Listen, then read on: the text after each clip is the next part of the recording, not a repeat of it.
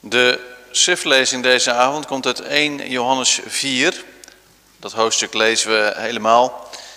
En de kernversen voor deze avond zijn versen 9 en 10 uit 1 Johannes 4. De schriftlezing uit 1 Johannes 4 met als kernteksten vers 9 en 10. Geliefden, geloof niet een iegelijke geest, maar beproeft de geesten of zij uit God zijn. Want vele valse profeten zijn uitgegaan in de wereld. Hieraan kent gij de geest Gods. Alle geest die beleidt dat Jezus Christus in het vlees gekomen is, die is uit God. En alle geest die niet beleidt dat Jezus Christus in het vlees gekomen is, die is uit God niet. Maar dit is de geest van de antichrist. Welke geest gij gehoord hebt dat komen zal en is nu al reden in de wereld. Kinderkens, gij zijt uit God en hebt hen overwonnen. Want hij is meerder dan die in u is, dan die in de wereld is. Zij zijn uit de wereld, daarom spreken zij uit de wereld en de wereld hoort hen. Wij zijn uit God. Die God kent, hoort ons. Die uit God niet is, hoort ons niet. Hieruit kennen wij de geest der waarheid en de geest der dwaling. Geliefden, laat ons elkaar liefhebben, want de liefde is uit God. En een iegelijk die lief heeft, is uit God geboren en kent God. Die niet lief heeft, die heeft God niet gekend. Want God is liefde. Hierin is de liefde Gods jegens ons geopenbaard dat God zijn enige geboren zoon gezonden heeft in de wereld, opdat wij zouden leven door hem. Hierin is de liefde. Niet dat wij God lief gehad hebben, maar dat Hij ons lief heeft gehad. En zijn zoon gezonden heeft tot een verzoening voor onze zonden.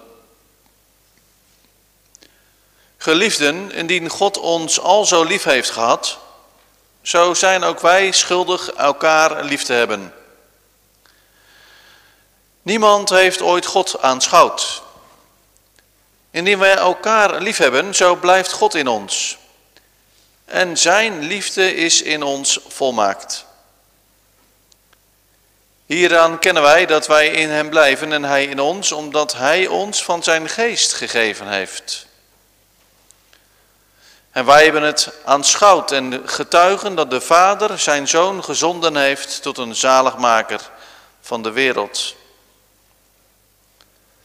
Zo wie beleden zal hebben dat Jezus de Zoon van God is, God blijft in hem en hij in God. En wij hebben gekend en geloofd de liefde die God het ons heeft. God is liefde. En die in de liefde blijft, die blijft in God en God in hem. Hierin is de liefde die bij ons volmaakt is, Hierin is de liefde bij ons volmaakt, opdat wij vrijmoedigheid mogen hebben in de dag des oordeels. Namelijk dat gelijk Hij is, wij ook zijn in deze wereld. Er is in de liefde geen vrees, maar de volmaakte liefde drijft de vrees buiten. Want de vrees heeft pijn en die vrees is niet volmaakt in de liefde. Wij hebben Hem lief omdat Hij ons eerst lief gehad heeft. Indien iemand zegt, ik heb God lief en haat zijn broeder, die is een leugenaar. Want die zijn broeder niet lief heeft, die hij gezien heeft, hoe kan hij God lief hebben die hij niet gezien heeft? En dit gebod hebben wij van hem, namelijk dat hij God lief heeft, ook zijn broeder lief hebben. Tot zover de schriftlezing. Na het amen van de preek zingen we Psalm 116, vers 3. Och Heer, och wie het mijn ziel door u gered. Gemeente, vanavond staan we stil bij de twee versen die, de, die al eerder zijn genoemd. Vers 9 en 10 uit 1 Johannes 4, die ik nog één keer met u lees. Hierin is de liefde Gods, van God, jegens ons, voor de mensen, ons geopenbaard. Dat God zijn enige geboren zoon gezonden heeft in de wereld, opdat wij zouden leven door hem. Hierin is de liefde niet dat wij God lief gehad hebben, maar dat Hij ons lief heeft gehad en zijn Zoon gezonden heeft tot een verzoening voor onze zonden. Het thema voor deze avond is de geopenbaarde liefde van God. Twee gedachten. God is liefde als eerste gedachte en als tweede gedachte, Hij heeft zijn Zoon gezonden. Dus het thema, de geopenbaarde liefde van God, en twee gedachten. Als eerste God is liefde. En als tweede, en heeft zijn zoon gezonden. Gemeente, tijdens de voorbereiding op deze preek, dat probeer je altijd, tenminste ik wel, altijd op zoek te gaan naar voorbeelden. En ik kwam dit voorbeeld tegen op de website van Wycliffe Bijbelvertalers.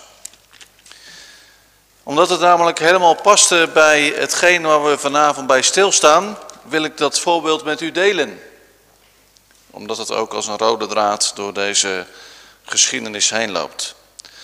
De tekst die wij vanavond namelijk behandelen is ja, een bekende tekst. Met andere woorden kennen wij hem ook. Hè? Johannes 3 vers 16. Want al zo lief heeft God de wereld gehad dat hij zijn enige geboren zoon gegeven heeft. Opdat een iegelijk die in hem gelooft niet verderven, maar het eeuwige leven hebben. Daar gaat het ook over de liefde van God. En die liefde was zo groot dat hij zijn enige geboren zoon gegeven heeft.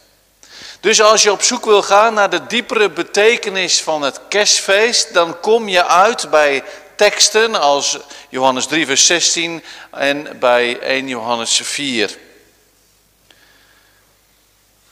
Nou, waar deze Wycliffe Bijbelvertaler tegenaan liep in een, eh, een, taal van de Hidi, stam, ja, dat zijn allemaal woorden die ons een beetje vreemd zijn. En hij was op zoek, samen met vertalers van de, van de stam zelf, van hoe kan ik nou het woordje liefde vertalen, zoals dat staat in Johannes 3 en ook hier in 1 Johannes 4. Vooral als het gaat om Gods onvoorwaardelijke liefde. Moet ik misschien eens uitleggen wat onvoorwaardelijk is. Onvoorwaardelijk betekent dat je, dat je liefde geeft zonder dat je er iets voor terugvraagt. Nou, die stam waar het om gaat, de Hidi-stam, die kenden, een, eh, die een aantal werkwoorden en al die werkwoorden die eindigen op een i, een a of een u. En het woord wat ze zochten, het woordje liefde, zou dus moeten eindigen op een u, of op een i, of op een a. En hij vroeg dat, Lee Bramlett, zo heet, zo heet die man. En hij vroeg het aan de lokale vertalers en aan de leiders van de Hidi. En hij stelde de vraag, kun je je vrouw dvien DV, dvien, dat is het werkwoord voor liefhebben. Kun je je vrouw liefhebben? Ja, zeiden ze. Dat betekent dat je ooit van je vrouw gehouden hebt, maar dat de liefde nu weg is. Oh, zei die vertaler van Wycliffe. En kun je je vrouw dan ook dwagen, DVA, dwagen? Ja, dat kan zeker, zeiden die mannen. Maar dan moet die vrouw wel goed water halen en de was doen en goed voor je zorgen. En als ze trouw is, dan is het dwa het juiste woord voor de liefde. Dus de vier, dan is de liefde weg, dwa, dan is er een voorwaarde. Kun je je vrouw ook dvuwen, zei hij. Natuurlijk niet, zeiden ze. Als je dat zegt, dan moet je van je vrouw blijven houden, wat ze ook doet. Ook als ze nooit water voor je haalt en vuur voor je maakt en eten voor je klaarmaakt. En zelfs als ze overspel pleegt, dan moet je nog van haar blijven houden. Nee, zeiden die stamleden van de Hidi, wij zouden nooit vuur zeggen. Dat bestaat gewoon niet. En die wikkelen Bijbelvertaler ging door. Hij zegt, kun je, je kun je, kan, kan God vuwen? Denkend aan Johannes 3 vers 16. En de vertalers van de Hidi-stam werden stil. En minutenlang spraken ze geen woord. Weet je, zei Lee Bramlett, dat betekent dat God van ons houdt en van ons blijft houden, ook als wij zijn liefde weigeren. Zijn liefde is onvoorwaardelijk. En toen kwamen de tranen. De vertalers waren diep onder de indruk. Gods liefde blijft, ook als zij hem niet dienen of als zij ontrouw aan hem zijn. Het ontroerde hen enorm om te weten dat God zoveel van hen houdt. Dus op basis van één klinker, een i, dat was, dan, dan was de liefde weg. De a, dan was er een voorwaarde aan verbonden. Maar die u, die onvoorwaardelijke liefde, het vuren, dan houd je op basis van wie iemand is, namelijk God zelf. Ik houd van je omwille van mij. Dus die liefde komt uit een onpeilbaar diepe bron. Dus niet om redenen in die mens, maar om redenen uit zichzelf, uit God zelf. Dat inzicht zorgde voor een opwekking. Het aantal Hidi-christenen groeide van enkele honderden naar duizenden. De diepere betekenis van kerst in de Bijbel, van Gods onvoorwaardelijke liefde, werd begrepen en geloofd. Neem dat voorbeeld mee als we luisteren, gaan luisteren naar de tekst van vanavond. Want om welke liefde gaat het hier? In het Grieks staat daar het woordje agape. Dat is liefde van God uit. Liefde tot God en de naaste. De liefde van God voor zondige mensen.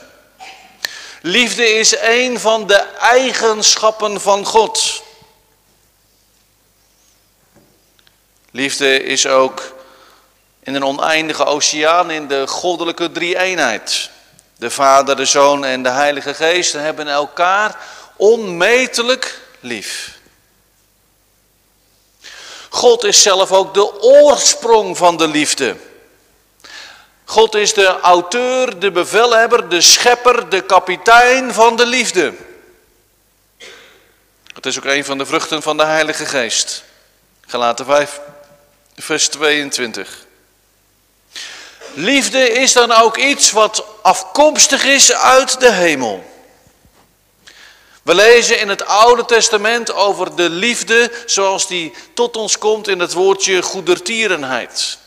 Geset. Barmhartigheid, geduld, liefde. En de majesteit van God die schittert door die liefde heen, die onvoorwaardelijke liefde. God is liefde. Hoe hij handelt met ons.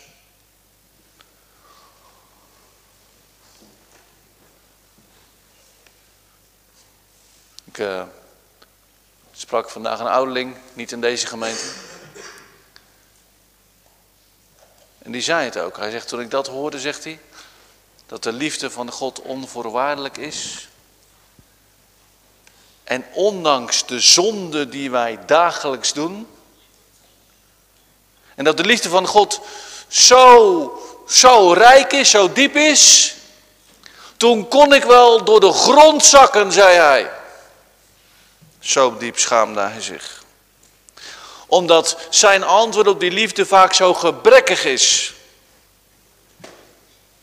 Omdat er opstand is in ons hart, rebellie tegen het goddelijk gezag. Herkent u dat? Want als je die liefde van God hoort, openbaar geworden in de Zoon van God, en dat het antwoord van ons op die liefde van God vaak zo zo, zo, zo tekortschiet. Dat we zondige mensen zijn?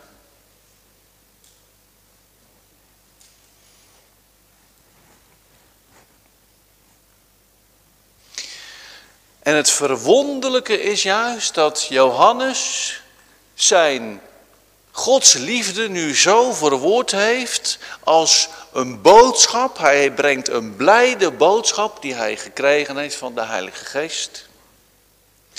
En hij zegt en hij houdt de lezers voor, als je ook maar iets begrijpt van die liefde.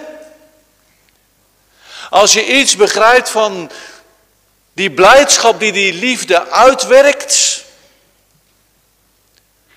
Dan zouden de meeste van je problemen, je angsten en de moeilijkheden verdwenen zijn.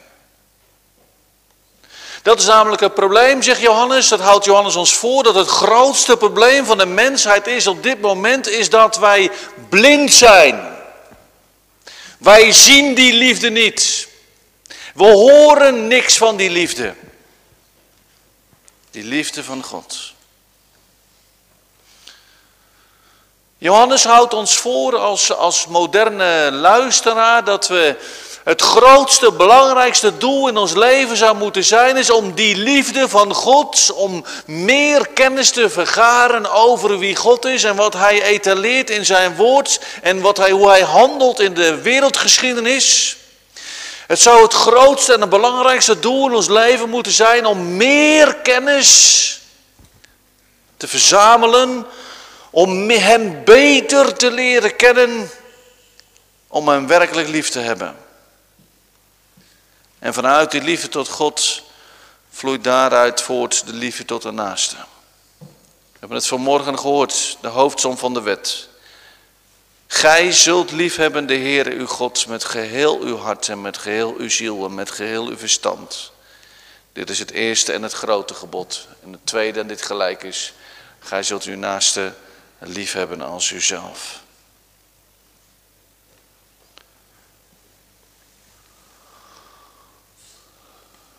En wat wordt hier geschilderd in deze twee teksten?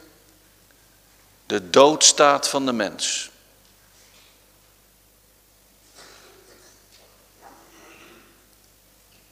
Deze twee versen uit 1 Johannes 4 zijn een samenvatting van heel de christelijke theologie.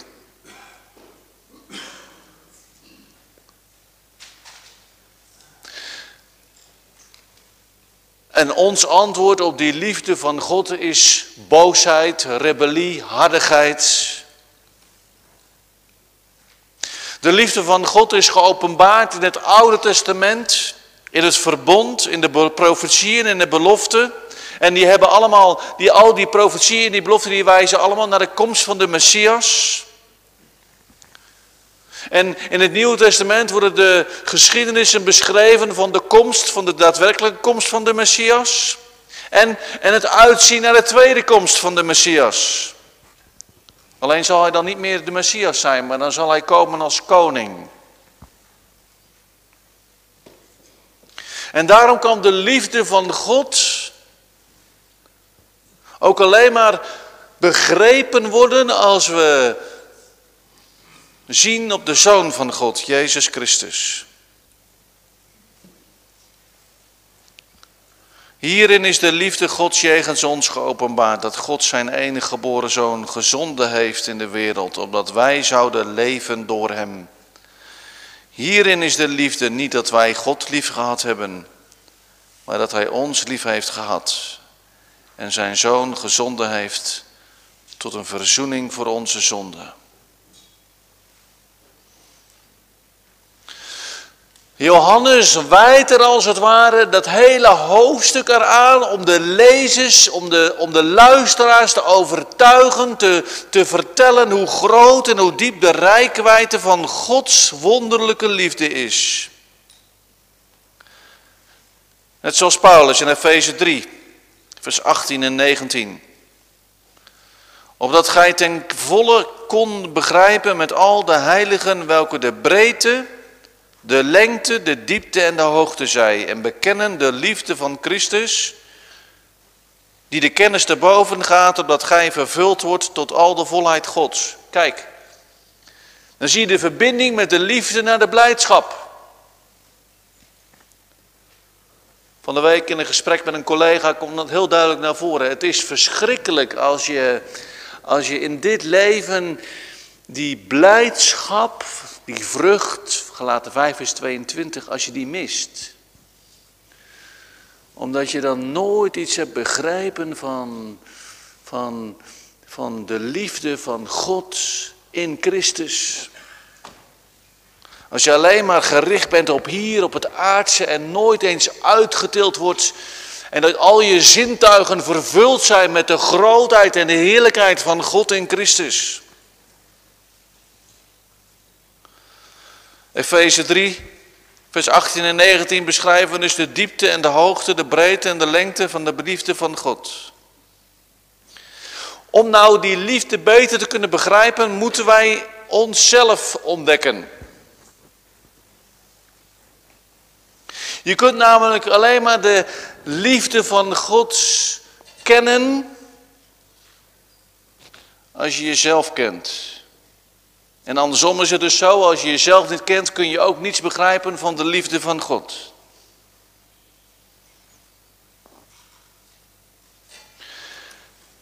God heeft ons lief. God is liefde. Waarom, waarom, waarom heeft God ons lief?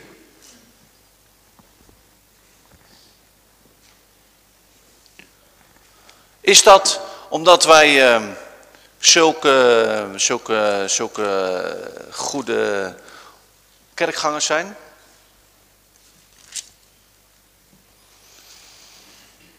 We lezen in de tekstverwijzing, kanttekening 40, namelijk eerst, zodat wij met onze liefde God tot wederliefde zouden verwekt hebben.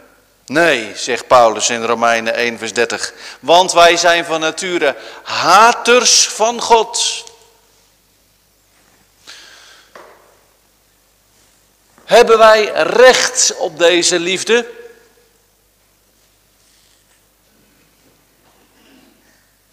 Hebben we het verdiend, deze liefde?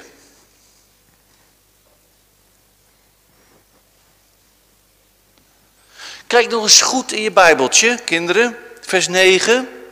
Hierin is de liefde Gods jegens ons geopenbaard dat God zijn enige geboren zoon gezonden heeft in de wereld, opdat wij zouden leven door hem. Maar wij leven toch, wij halen toch adem, ons hart klopt. Nou toch worden wij hier geschilderd als mensen. Dat wij haters van God zijn, dat wij geestelijk dood zijn. We lezen in Efeze 2 vers 1. En u heeft hij mede levend gemaakt, daar gij dood waart door de misdaden en de zonde. Buiten Christus, buiten het geloof, buiten het zaligmakend geloof in de Zoon van God is de mens geestelijk dood.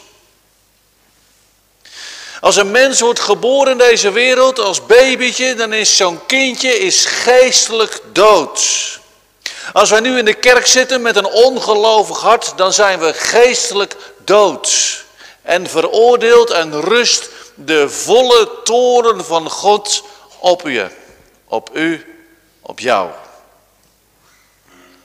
Dat is het oordeel.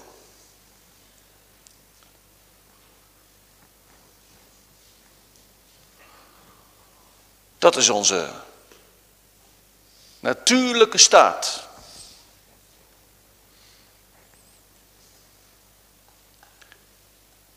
Een natuurlijk mens ontbreekt het aan kennis van God. Een natuurlijk mens ontbreekt het aan enige liefde tot God, kennis van Christus.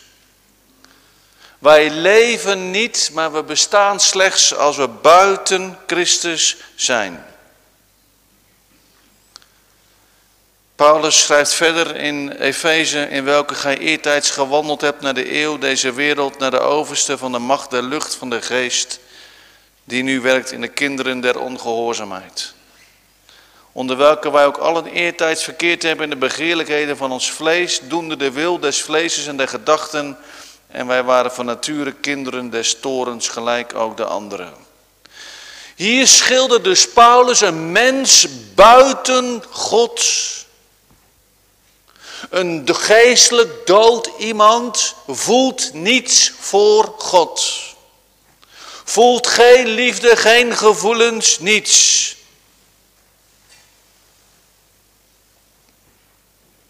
Buiten Christus zijn we eeuwig verloren en geestelijk dood. Paulus zegt, we zijn geestelijk dood, we zijn opstandelingen en we zijn vijanden van God als we niet geloven in de Zoon van God.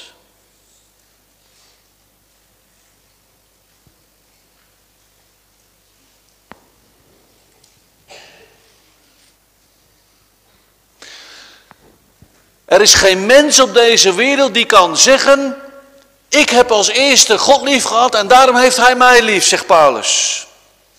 Alsof mannen en vrouwen God zouden zoeken en God daarom antwoordt.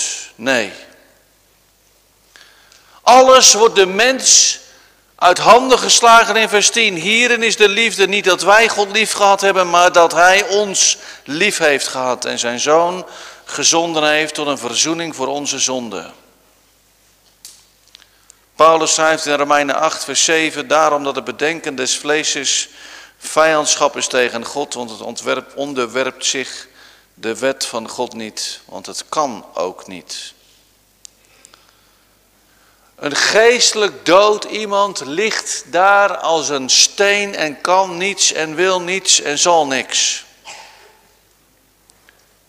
Vijanden, vreemdelingen, vijanden van God. En daarom, lees in Hebreeën 10, rust de toren van God tot de mens. En dat is de diepte van de ellende, Psalm 130. En het zou toch verschrikkelijk zijn als dat de boodschap was van, van, van waar we mee naar huis zouden moeten gaan, de laatste zondag van het jaar.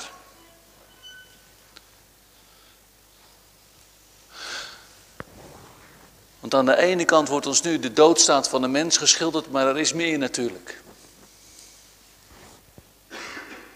God zoekt de mens op in Genesis 3, toen ze vielen in zonde. God zond Noach naar een hele mensheid om te prediken. En sloot een verbond met hem. God sloot een verbond met Mozes. En het volk van Israël werd uitgeleid uit het slavenhuis van Egypte. God zond zijn profeten tot het volk van Israël. Het profetieën over zijn eigen zoon. Dan zouden mensen geloven, zouden we denken. Als nou, als nou, als nou God zijn eigen zoon zou sturen, zouden we het geloven. En juist toen God zijn eigen zoon zond naar deze aarde, toen werd duidelijk wie de mens echt is. Namelijk, er is niemand die God zoekt.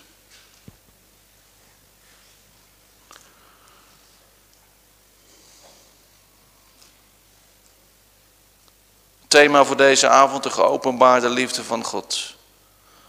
Onze eerste gedachte, God is liefde. En als tweede, heeft zijn zoon gezonden.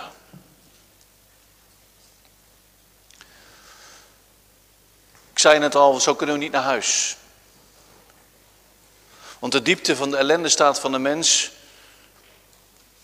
daar kun je lang over doorspreken. En dat is ook belangrijk, dat we beseffen wie wij zijn ten opzichte van een heilig God. Dat er van de mens iets te verwachten is.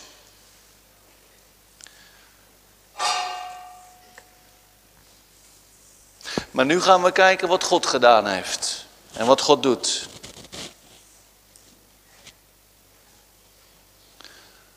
Heb je gisteren kerstfeest gehoord? Was je erbij?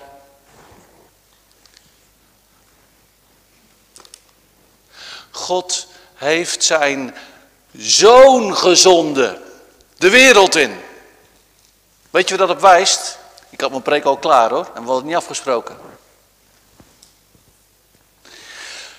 God had zijn zoon gezonden en dat betekent dus dat God al zijn, een zoon had. Zijn zoon was al spelende voor zijn aangezicht. Ik lees nog een keer de tekst voor het Spreuken 8. Toen was ik een voedsteling bij hem en ik was dagelijks zijn vermakingen ten allen tijde voor zijn aangezicht spelende. God zijn enige geboren zoon, vol liefde, zeiden we al in het begin. Een onmetelijke oceaan van liefde. Ouders, je houdt van je kinderen toch? Nou moet je dat, die liefde die je voelt voor je kinderen, die moet je met ontelbaar veel, met een macht tot de zoveelste vermenigvuldigen. En dan kunnen we het nog niet meten hoe groot die liefde van God voor zijn zoon is.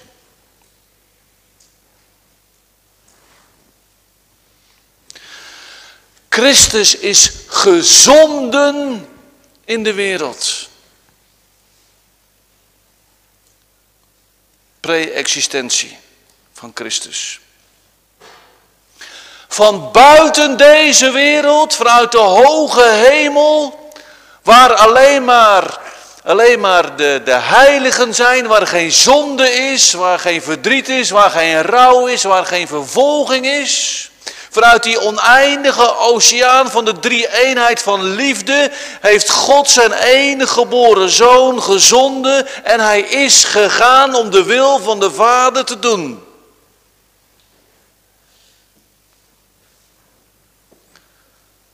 Hij is de eeuwige. Bethlehem was niet het begin voor Christus. Hij was afkomstig uit de hemel.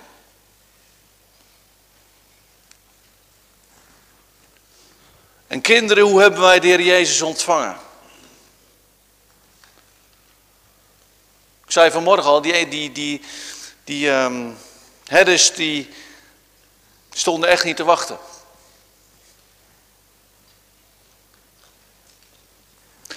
En toch openbaarde God zichzelf met zijn engelen aan de herders en zocht ze op.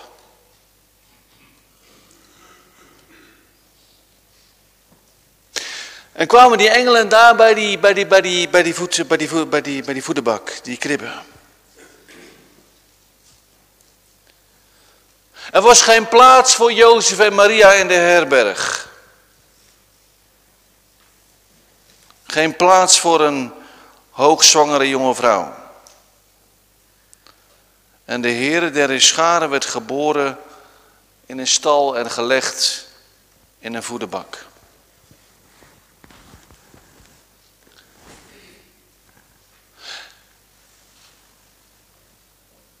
In grote armoede.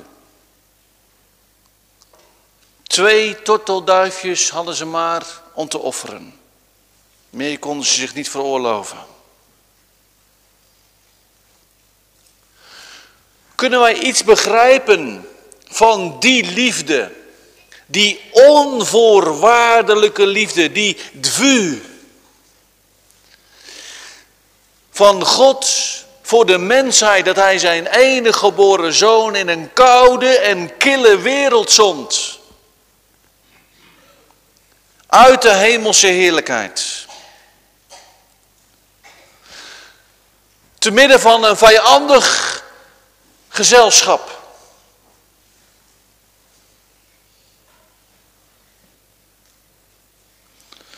In een wereld waar de mensen hem uitlachten, hem uitscholden voor Beelzebub, zoon van Beelzebub.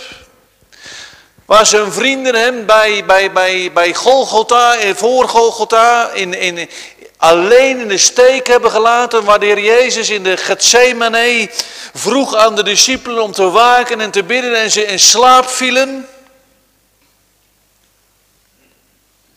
Waar de werken van de Heer Jezus niets anders waren dan goedheid en genade en liefde voor de ander, voor de naaste.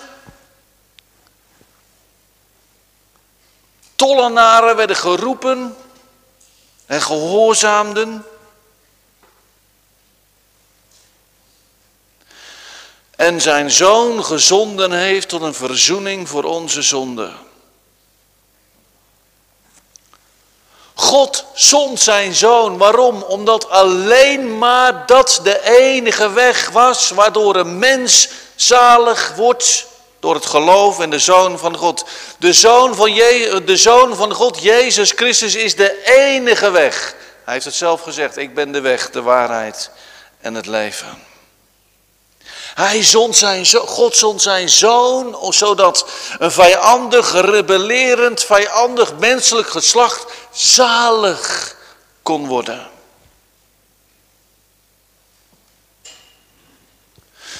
En dat nu vandaag als mensen Jezus Christus door het geloof aannemen als hun verlosser zalig maken, dat mensen dan zalig zijn. Johannes 1 vers 12. En dit is dus ook vanavond weer een dienst van de bediening der verzoening. God gebruikt met de Heilige Geest die woorden van vanavond om mensen wederom geboren te worden. En dat kan alleen maar omdat Jezus Christus als een volkomen offer betaald heeft voor al die zonden. Christus heeft voldaan aan de eis van God. Christus heeft voldaan aan het recht van God. Eén offer is voor God al genoegzaam. Het offer van zijn eigen geliefde zoon. Christus is een ambten als profeet, priester en koning, maar ook als het lam van God, wat staat als staande als geslacht. Het lam wat is, wat is gestorven aan het kruis van Golgotha. Dat is het ultieme, de ultieme uiting van de liefde van God.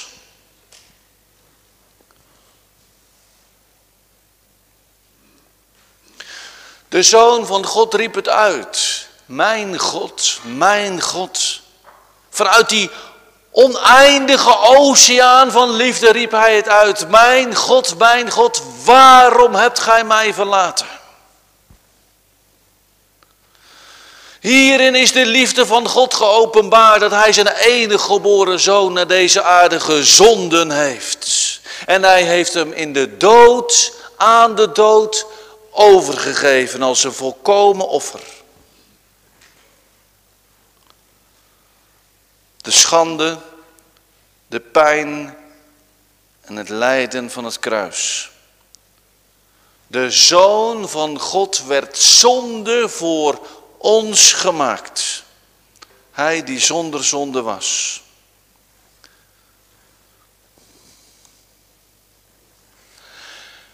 En is God toen gestopt? Nee.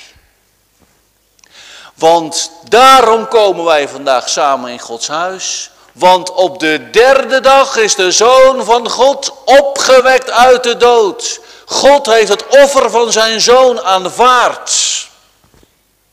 Is de Zoon van God ten hemel gevaren? Is die schaal met het, zijn eigen bloed, is de hemel binnengedragen en aangenomen door de Vader? Als een volkomen offer voor al onze zonden. De eis van de wet was voldaan. Alleen het bloed van Jezus Christus reinigt van alle zonde. Er is een prachtig lied wat zegt, er zit kracht in het bloed. We lezen Colossense 1 vers 14. In de welke wij de verlossing hebben door zijn bloed, namelijk de vergeving der zonde. En daarom is het zo, in Christus en door Christus en alleen maar door het offer van Christus wordt een mens verzoend met God. Wordt de relatie hersteld, de zonde vergeven. Omdat Christus heeft overwonnen en zijn Heilige Geest heeft gegeven. En daarom leven wij in Hem en is Hij in ons. En waarom heeft God dit gedaan? Wat was ook alweer de reden waarom God dit verlossingswerk, dit verlossingsplan, dit, dit machtige werk van verzoening heeft uitgewerkt en uitgedacht en heeft Christus het uit liefde gedaan. Waarom ook alweer? Kinderen, waarom heeft God dit ook alweer gedaan? Omdat, omdat wij zulke nette zondagse mensen zijn? Was dat ook alweer de reden?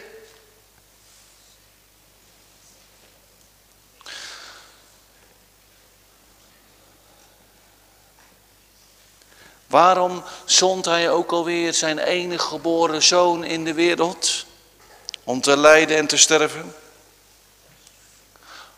Waar komt het ook alweer vandaan? Welk woordje was dat woordje wat die vertalers vonden? Het woordje dvu?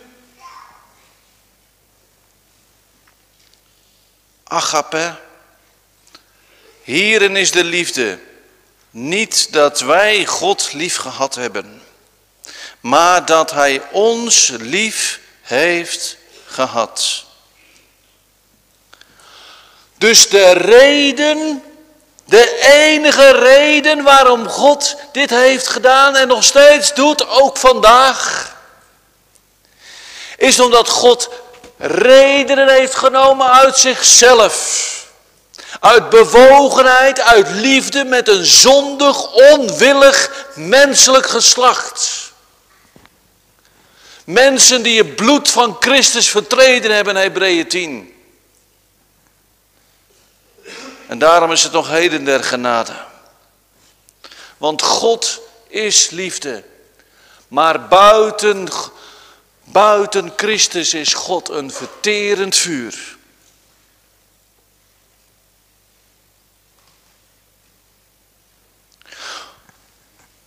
Hoe kan het zijn dat, dat wij deze liefde van God nog niet beantwoorden met wederliefde? Hoe komt dat? Het kan toch niet anders dan dat deze liefde ons verbreekt, in stukken laat breken.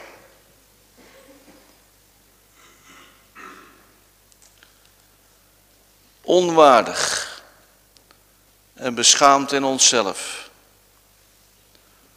Gemeente, we hebben allemaal huiswerk meegekregen vanavond. Laten we mediteren over de liefde van God in Christus. Lees je Bijbel. Zien, horen, bewaren. Studeer in de Bijbel. Eén grote verklaring van de liefde van God voor een zondig menselijk geslacht. En overdenk net zo lang de liefde van God, totdat je harde hart het verbroken heeft. En dat de liefde en vreugde van God je volledig in bezit heeft genomen. en bid. Psalm 116 gaan we dadelijk zingen. Ga je bidden tot God. Heere, ik heb die liefde niet. Maar ik heb vanavond gehoord over die liefde. En in mij is een onverklaarbaar verlangen opgekomen om u lief te hebben. Dat is een verlangen wat buitenaards is. God houdt van mensen omwille van zichzelf. Dvu, onvoorwaardelijk. Er is geen grotere liefde dan deze liefde. Hierin is de liefde Gods jegens ons geopenbaard. Dat God zijn enige geboren zoon gezonden heeft in de wereld. Opdat wij zouden leven door hem. Amen.